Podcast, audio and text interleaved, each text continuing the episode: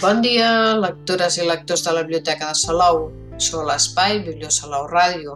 els podcasts bibliotecaris que us informen diàriament i via ràdio de les novetats bibliogràfiques de la Biblioteca de Salou. Els podcasts dels dimarts us parlaran del que podem trobar a les xarxes sobre una de les novetats de narrativa en català del proper mes de gener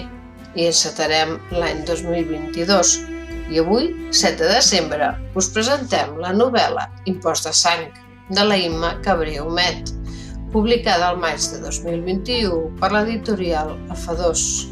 a la seva col·lecció El fil de la història. A la ressenya de la contraportada hi podeu llegir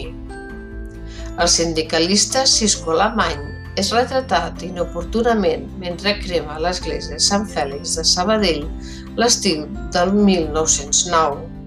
La publicació de la seva fotografia a la premsa el condemna molt abans de ser jutjat. Més de cent anys més tard, un jove ocupa és trobat mort en una caserna de la Guàrdia Civil abandonada. Què tenen en comú l'obrer i l'ocupa separats per un segle d'història? Impost de sang és una novel·la que transcorre entre dues èpoques, la de principis del segle XX i l'actual, a la ciutat de Sabadell. El relat de les vicissituds d'un grup d'obrers del tèxtil durant la setmana tràgica s'entrellaça amb la vida del col·lectiu que ocupa la caserna.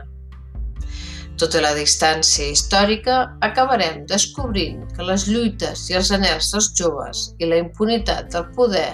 no són tan diferents en una època i en l'altra. I si, contràriament al que pronosticava el poeta Miquel Martí Pol, se'ns concedís un segon espai d'història per tornar al mateix minúscul territori per viure-la? La novel·la, doncs, té una mica de tot, de novel·la social i de novel·la negra, però bàsicament es tracta d'una novel·la històrica que descriu l'ambient de la ciutat de Sabadell d'entre 1909 i 1913 en el marc de la Setmana Tràgica, que és com s'anomena la protesta, sobretot de la classe treballadora, contra la lleva de soldats per anar a la guerra del Marroc, que és la que patia més el reclutament per la guerra, ja que cobrant 5 pessetes al dia no podien gastar les 500 pessetes de l'època per deslliurar-se d'anar a la guerra. En un moment, a més de forta crisi econòmica i davant les notícies de les matances i mort segura que arribaven de l'Àfrica. La frase impost de sang, que dona nom a la novel·la, descriu aquest fet, el que els rics es podien deslliurar de la guerra a través d'un impost en moneda, mentre que els pobres pagaven un impost de sang. El que va començar com una protesta obrera, no només d'homes, sinó també de dones i nens, aviat es va convertir en una revolta que va tenir dos elements importants, l'antimilitarisme i l'anticlericalisme, ja que la gent considerava que l'Església estava del costat dels rics. Per aquest motiu, el Cisco de la novel·la, que representa el moviment obrer, crema esglésies com la de Sant Fèlix de Sabadell. Però d'altra banda, hi ha el personatge femení de l'Elisenda, que és mestra i que creu en la cultura com a eina de canvi per progressar i ser més lliures, en un moment en què hi havia un intent de modernitzar l'escola i instruir els obrers,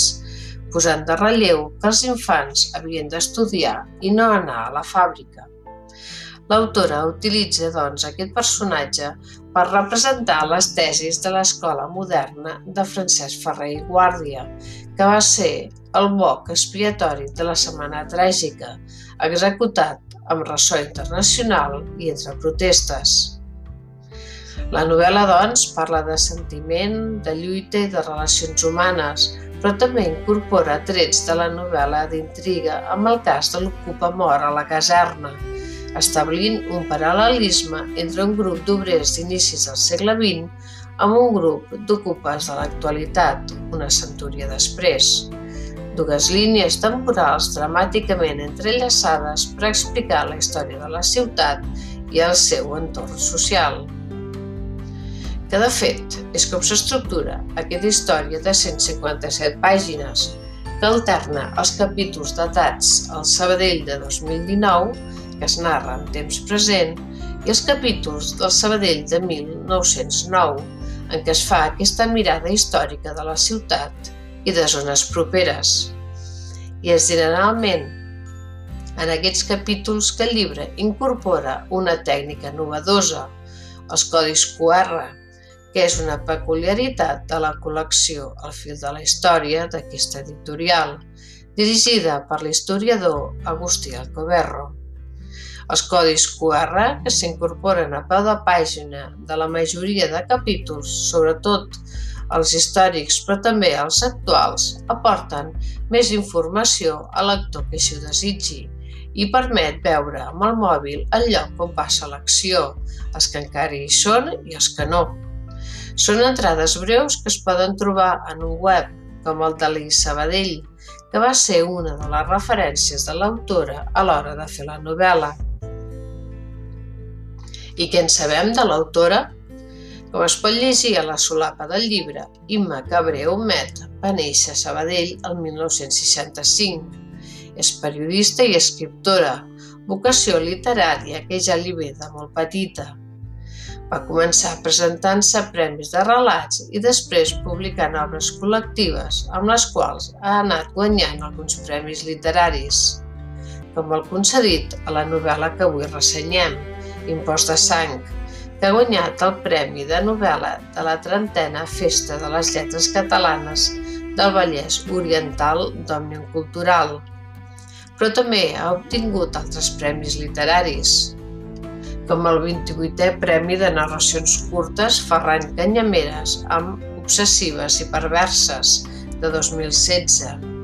el sisè Premi Helena Jovany de Narració Curta amb el recull de relats Gotes que vessen gots de 2013 i el segon Premi Gregal de novel·la històrica amb els senyors del poder de 2013 una novel·la que combina la política ficció amb la vindicació de l'activista republicana, Natividad Yarza.